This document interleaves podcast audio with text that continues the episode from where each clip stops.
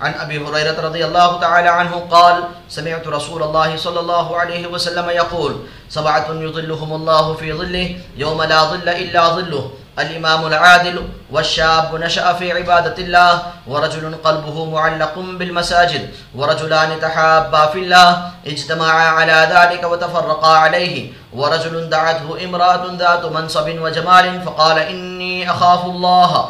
ورجل تصدق بصدقة فأخفاها حتى لا تعلم شماله ما تنفق يمينه. ورجل ذكر الله خاليا ففاضت عيناه. رواه البخاري ومسلم وغيرهما كذا في الترغيب والمشكات وفي الجامع الصغير الصغير برواية مسلم عن أبي هريرة وأبي سعيد معا، وذكر عدة طرقه أخرى. حضور صلی اللہ علیہ وسلم کا ارشاد ہے کہ سات آدمی ہیں جن کو اللہ جل شانہ اپنے رحمت کے سائے میں ایسے دن جگہ عطا فرمائے گا، جس دن اس کے سائے کے سوا کوئی سایہ نہ ہوگا۔ ایک عادل بادشاہ، دوسرے وہ جوان جو جوانی میں اللہ کی عبادت کرتا ہو، تیسرے وہ شخص جس کا دل مسجد میں اٹک رہا ہو، چوتھے وہ دو شخص جن میں اللہ ہی کے واسطے محبت ہو، اسی پر ان کا اجتماع ہو، اسی پر جدائی۔ پانچویں وہ شخص جس کو کوئی حسین شریف عورت اپنی طرف متوجہ کرے اور وہ کہہ دے کہ مجھے اللہ کا ڈر مانے ہیں۔ چھٹے وہ شخص جو ایسے مخفی طریق سے صدقہ کرے کہ دوسرے ہاتھ کو بھی خبر نہ ہو۔ ساتویں وہ شخص جو اللہ کا ذکر تنہائی میں کرے اور آنسو بہنے لگے۔ فائدہ۔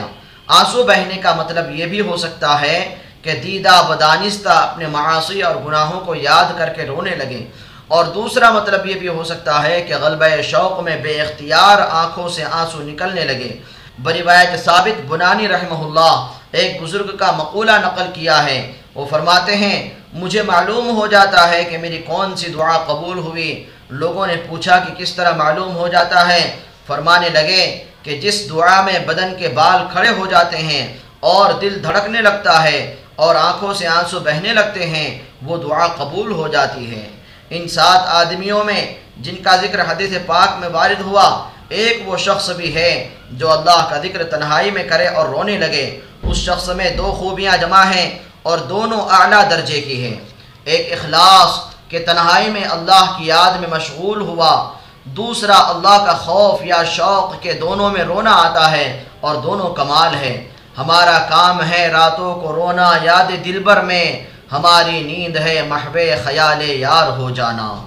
حدیث کے الفاظ ہیں رجل ذکر اللہ خالین ایک وہ آدمی جو اللہ کا ذکر کرے، اس حال میں کہ خالی ہو۔ صوفیہ نے لکھا ہے کہ خالی ہونے کے دو مطلب ہیں۔ ایک یہ کہ آدمیوں سے خالی ہو، جس کے معنی تنہائی کے ہیں، یہ عام مطلب ہے۔ دوسرے یہ کہ دل اغیار سے خالی ہو۔ وہ فرماتے ہیں کہ اصل خلوت یہی ہے، اس لیے اکمل درجہ تو یہ ہے، دونوں خلوتیں حاصل ہو لیکن اگر کوئی شخص مجمع میں ہو اور دل غیروں سے بالکل خالی ہو اور ایسے وقت اللہ کے ذکر سے کوئی شخص رونے لگے، تو وہ بھی اس میں داخل ہے کہ مجمع کا ہونا نہ ہونا اس کے حق میں برابر ہے۔ جب اس کا دل مجمع تو درکنار غیر اللہ کے التفات سے بھی خالی ہے، تو اس کو مجمع کیا مضر ہو سکتا ہے؟ اللہ کی یاد میں یا اس کے خوف سے رونا بڑی ہی دولت ہے۔ خوش نصیب ہے وہ شخص جس کو حق تعالی شانہ میسر فرماویں ایک حدیث میں آیا ہے کہ جو شخص اللہ کے خوف سے روئے، وہ اس وقت تک جہنم میں نہیں جا سکتا جب تک کہ دودھ تھنوں میں واپس جائے۔ اور ظاہر ہے کہ یہ ناممکن ہے بس ایسے ہی اس کا جہنم میں جانا بھی ناممکن ہے۔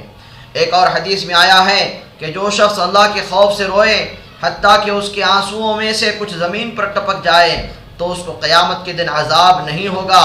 ایک حدیث میں آیا ہے کہ دو آنکھوں پر جہنم کی آگ حرام ہے، ایک وہ آنکھ جو اللہ کے خوف سے روئی ہو اور دوسری وہ جو اسلام کی اور مسلمانوں کے کفار سے حفاظت کرنے میں جاگی ہو۔ ایک اور حدیث میں ہے کہ جو آنکھ اللہ کے خوف سے روئی ہو، اس پر جہنم کی آگ حرام ہے اور جو آنکھ اللہ کی راہ میں جاگی ہو اس پر بھی حرام ہے اور جو آنکھ ناجائز چیز، مثلا نامحرم وغیرہ پر پڑھنے سے رک گئی ہو، اس پر بھی حرام ہے اور جو آنکھ اللہ کی راہ میں ضائع ہو گئی ہو، اس پر بھی جہنم کی آگ حرام ہے۔ ایک حدیث میں آیا ہے کہ جو شخص تنہائی میں اللہ کا ذکر کرنے والا ہو، وہ ایسا ہے جیسے اکیلا کفار کے مقابلے میں چل دیا ہو۔